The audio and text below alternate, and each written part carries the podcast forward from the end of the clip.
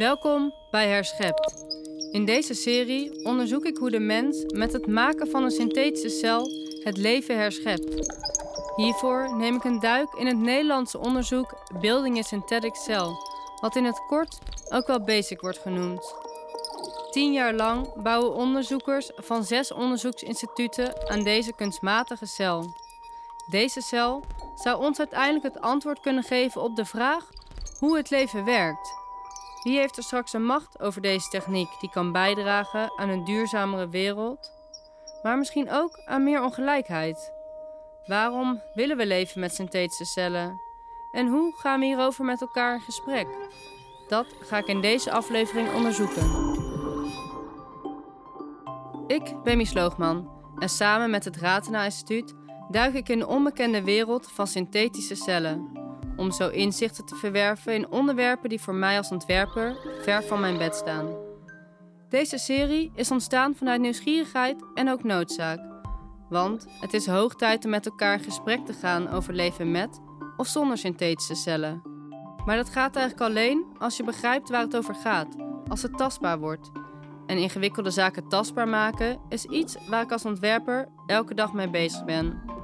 Zo heb ik als missie om meer mensen, zoals jij en ik, te betrekken bij het gesprek over leven met of zonder synthetische cellen.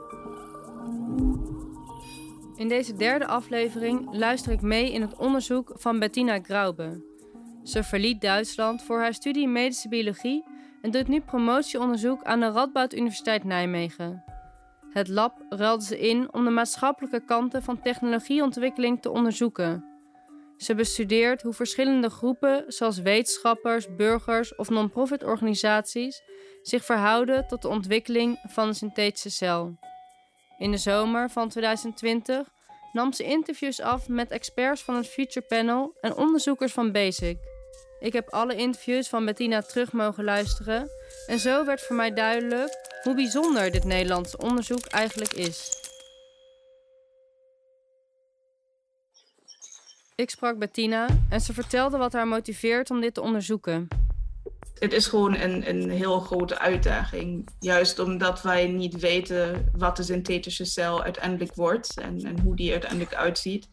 Dus te zien hoe mensen daarover praten, hoe zij over die synthetische cel denken en hoe dat ook beïnvloedt wat ze voor zorgen zouden hebben of wat ze voor verwachtingen hebben over wat die synthetische cel straks zou kunnen zijn dat, dat hele puzzel wat, wat daar zo zich uh, zeg maar ontvouwt, dat vind ik echt een heel interessant aspect. Gewoon ook te zien hoe zij in interactie daarmee omgaan, met uh, welke vergelijkingen voor de synthetische cel ze ook opkomen. Bettina legt me uit dat haar onderzoek valt onder een module van BASIC, die kijkt naar filosofische, ethische en maatschappelijke aspecten rondom de synthetische cel. Dit is een klein clubje in vergelijking met de hoeveelheid mensen die in het lab bouwen aan de synthetische cel. Maar laten we eerst teruggaan naar 2017, het moment dat dit landelijke onderzoek startte. BASIC is namelijk een bijzonder onderzoeksprogramma, omdat wetenschappers vanuit verschillende achtergronden samenwerken om uiteindelijk één levende cel te bouwen via de zwaartekrachtsubsidie van het ministerie van Onderwijs, Cultuur en Wetenschap kreeg ze 18,8 miljoen euro toegekend. Dit betekent dat het onderzoek als vernieuwend en invloedrijk wordt gezien en zou kunnen leiden tot doorbraken van internationaal niveau.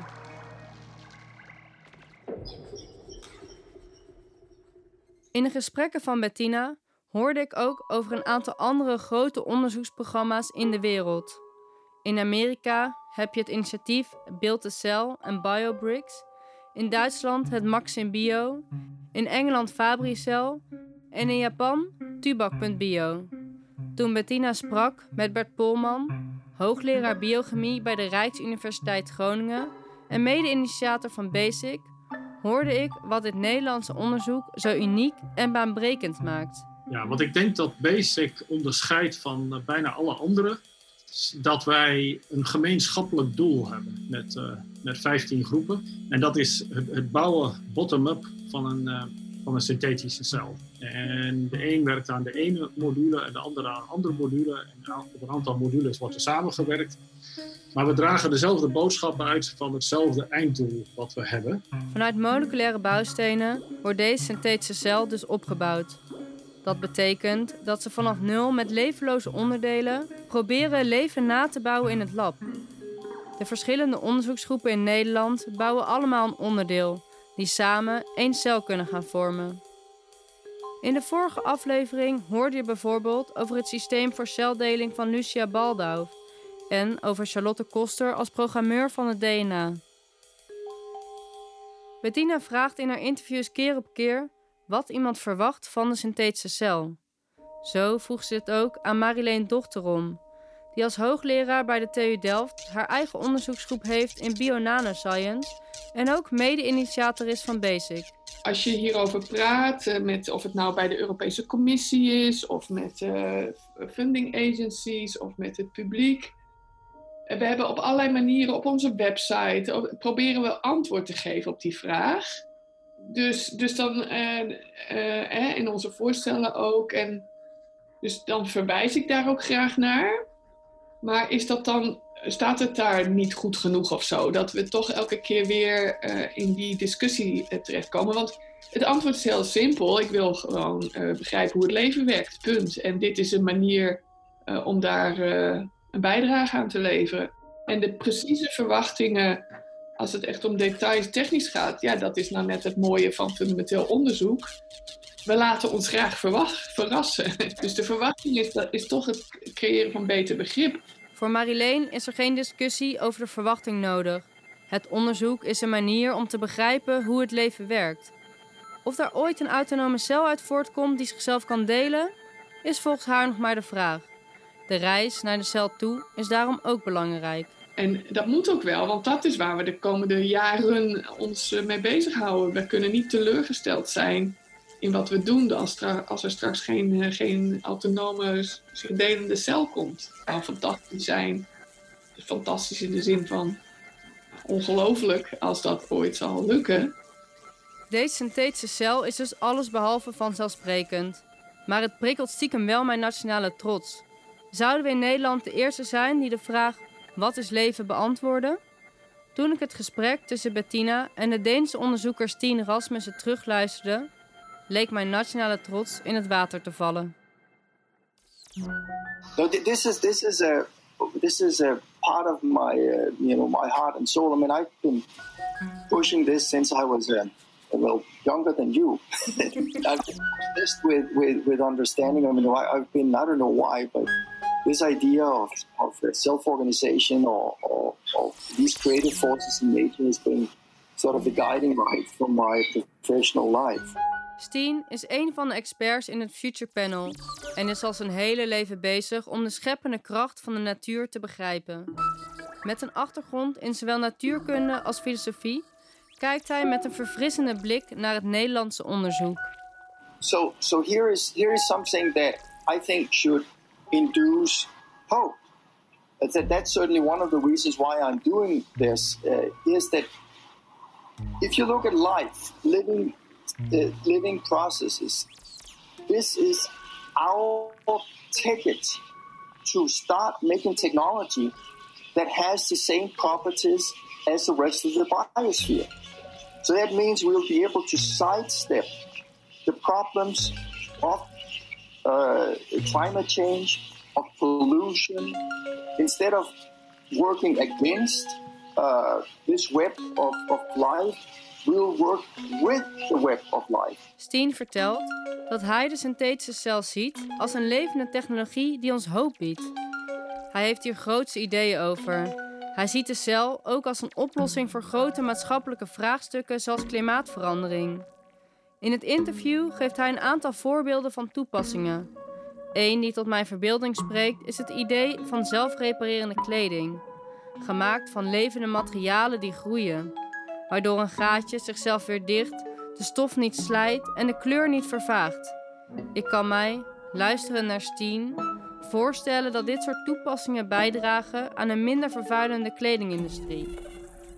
Steens overtuiging werkt aanstekelijk. Terwijl ik luister naar het interview van Bettina en Steen, dwalen mijn gedachten af en toe af. Soms zijn deze interviews tussen wetenschappers voor mij ook lastig om te volgen. Maar het zijn vooral de voorbeelden die mij aan het denken zetten. When we, when we realized what the internet could do, we were thrilled because we thought now this is going to be the greatest empowerment of the individual. Steen maakt de vergelijking met het internet. Deze innovatie zou meer gelijkheid brengen, omdat het iedereen toegang biedt tot informatie en we over de hele wereld met elkaar kunnen communiceren. Maar achteraf gezien was dat wat naïef en zitten we nu met de problemen rondom regelgeving en privacy. Steen wil voorkomen dat met de synthetische cel hetzelfde gebeurt. Daarover wil hij nog één ding vertellen aan Bettina. To make this hope come through or this wish come through, we must ensure that we have appropriate uh, we have an appropriate legal and societal framework. Because if we're using the same framework as we have now, um, we are fucked. I mean, we, it's not good because it's going to be exploitation and, uh, and uh, where the few uh, get a lot and the rest uh, suffers. And, and of course, these are these are very big these big issues, and most people they don't want to hear about the big issues. Steen sluit af met het belang van goede regelgeving rondom deze technologie en benadrukt dat de kans bestaat dat het tot meer ongelijkheid leidt, zeker omdat deze technologie in potentie veel geld en macht kan gaan genereren. Iemand die hier veel mee bezig is, is Guido Rijvenkamp, een van de experts in het Future Panel. Bettina sprak met Guido over sociale ongelijkheid in de wereld en wat dit betekent voor het bouwen van een synthetische cel. Ook hij legt een link met het internet. Ja, wat doet de synthetische cel aan de macht van Facebook? En dat zijn twee totaal verschillende werelden. Wereld wordt gedomineerd door Facebook en Google en, en, niet meer door Shell en Exxon en uh, et cetera. En, en, je ziet dat de informatie daar een, een, hele belangrijke rol in speelt. En het beheren van informatie. En de macht hebben over de informatie. Maar nu wordt er ook een macht gecreëerd over de informatie van het leven. In de huidige maatschappij betekent het beheren van informatie macht en geld. Guido vertelt aan Bettina dat hij het als een probleem ziet dat het leven door sommige onderzoekers wordt opgevat als een pakket van genetische bouwstenen met informatie, die in een computer kan worden opgeslagen en commercieel wordt verhandeld. Hij legt uit dat deze benadering van het leven zich doorvertaalt in de ontwikkeling van technologie. Guido's analyse gaat ver de diepte in, maar wat hij wil meegeven is dat we tien stappen verder moeten gaan denken om in te kunnen spelen op de ware impact van de synthetische cel.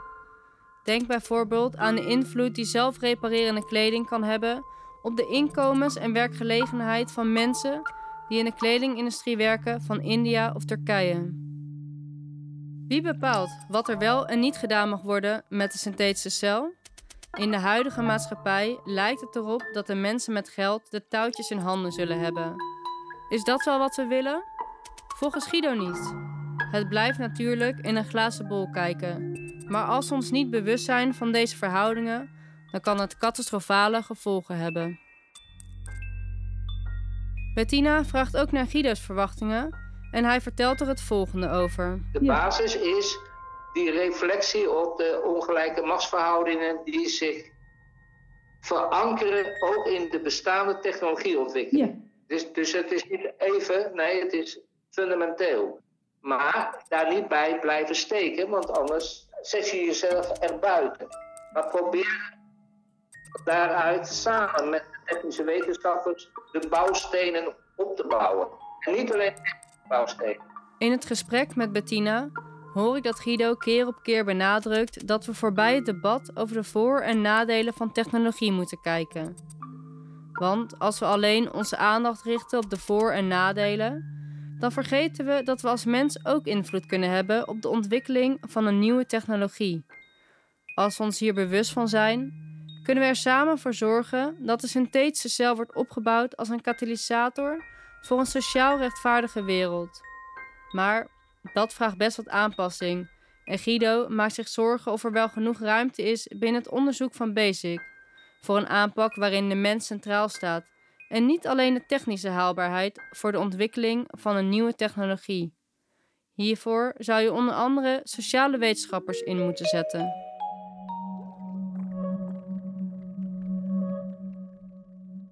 Bettina is een sociaal wetenschapper en ik was eigenlijk wel benieuwd naar haar verwachtingen van de synthetische cel, nadat ze zoveel belangrijke spelers binnen Basic en het Future Panel heeft gesproken. Ik, ik denk in het begin van mijn promotieonderzoek had ik een heel technisch beeld van de synthetische cel in mijn hoofd. Dus gewoon echt van ja, waaraan je denkt wanneer je het woord cel hoort. En daar ben ik toch inmiddels heel erg van afgestapt, om, omdat het ook nog zo lang duurt voordat we een synthetische cel zouden kunnen hebben. Dat uh, inmiddels de synthetische cel meer symbolisch staat voor uh, de mogelijke impact die zo'n ontwikkeling op, ja, op, op ons, op de maatschappij zou hebben. In plaats van dat je daadwerkelijk een object of, of ja, voor je ziet. Dus het is nog steeds een technologie in ontwikkeling, maar het is, ja, het het is gewoon meer, het, het overstijgt het eigenlijk een beetje. Ik neem je mee vooruit in de tijd. Naar de vijfde bijeenkomst van het Future Panel op 25 mei 2021. De experts van het panel hebben de uitkomsten en aandachtspunten van alle discussies samengebracht in het position paper. Van dit 60 pagina tellende document worden de puntjes nog op de i gezet. Maar ik mag alvast een tipje van de sluier oplichten. De volgende stap is namelijk een publieke bijeenkomst waar het Ratena Instituut samen met een groep internationale onderzoekers en beleidsmakers de discussie van het panel zal voortzetten. De conclusies en aanbevelingen van het Future Panel zijn niet het einde, maar vormen juist het startpunt voor de politieke, academische en publieke discussie over de synthetische cel. Deze podcast is bedoeld om de complexiteit van de synthetische cel tastbaar te maken, zodat we het hier niet alleen maar met wetenschappers en experts over kunnen hebben, maar ook met jou. Want de synthetische cel gaat over grote vragen. Over ons bestaan en de manier waarop we met elkaar en met technologie samenleven. Over onze visies op wat leven is en over onze toekomst. In het vormgeven van deze gezamenlijke toekomst zie ik een belangrijke rol voor ontwerpers en creatieve makers zoals ik. Door het onderwerp tastbaar te maken, hoop ik dat mensen kunnen gaan meepraten over de ontwikkeling van deze technologie. En zo medeontwerper te worden van jouw toekomstige leven met of zonder synthetische cel. Hoe zie jij de toekomst voor je? Heeft de synthetische cel daar een plek in? En zo ja, wat voor een plek? Wat voor invloed zou jij willen dat de synthetische cel heeft op de samenleving? Wat als deze cel in de verkeerde handen valt? What if this cell is part of our commons? Wat als deze cel van ons allemaal zou zijn? What if Wat this als cell deze cel causes publieke ruimte inequality? What if this vormgeeft? cell Wat als deze cel transities kan if this cell versnellen? contributes to our healthcare? What if we Wat als er een this groot cell bedrijf op gaat staan What if die de hele technologie in zijn macht? Wat als What if deze this cell cel bijdraagt aan our onze public gezondheid? Wat als we deze cel achteraf toch niet willen? What if this cell is there tomorrow? Het is al duidelijk dat het verhaal nog lang niet af is en het spel nog niet gespeeld. Maar dit is voorlopig de laatste aflevering van Herschept. Ondertussen bouwen wetenschappers van het onderzoeksprogramma Building a Synthetic Cell de komende vijf jaar door aan de synthetische cel, in de hoop te ontdekken hoe het leven werkt. Wij hopen jullie in de toekomst met nieuwe afleveringen verder mee te nemen in de onderzoekswereld en de ontwikkelingen van en rondom de synthetische cel. We zijn vooral heel benieuwd wat jullie ideeën zijn na het beluisteren van deze podcast over de ontwikkeling van de synthetische cel. Een technologie die nu nog niet bestaat, maar wel de toekomst kan vormgeven. Samen met het Ratena Instituut nodig ik je daarom uit om jouw vragen en ideeën met ons te delen. Deze podcast zetten wij graag in als medium om een brug te slaan tussen wetenschap, samenleving en overheid. Wil je iets met ons delen? Stuur ons een mail op herschept.synthetischecel.nl Dit was Herschept. Interviews Bettina Graube. Techniek Ivan van Wijk. Muziek Luc-Andrea Baraldi. Eindredactie Mies Loogman en het Ratena Instituut. Advies Hanna van Lutterveld. Met veel dank aan Rini van Est, Kira Delsing, Rachel Visser en Michelle Habets. Dank ook aan alle mensen van het Future Panel on Synthetic Live en natuurlijk ook aan de Stimuleringsfonds Creatieve Industrie die deze serie mede mogelijk heeft gemaakt. Dankjewel voor het luisteren. Om alle afleveringen te beluisteren, ga naar onze website synthetischecel.nl slash herschept of abonneer je op onze podcast.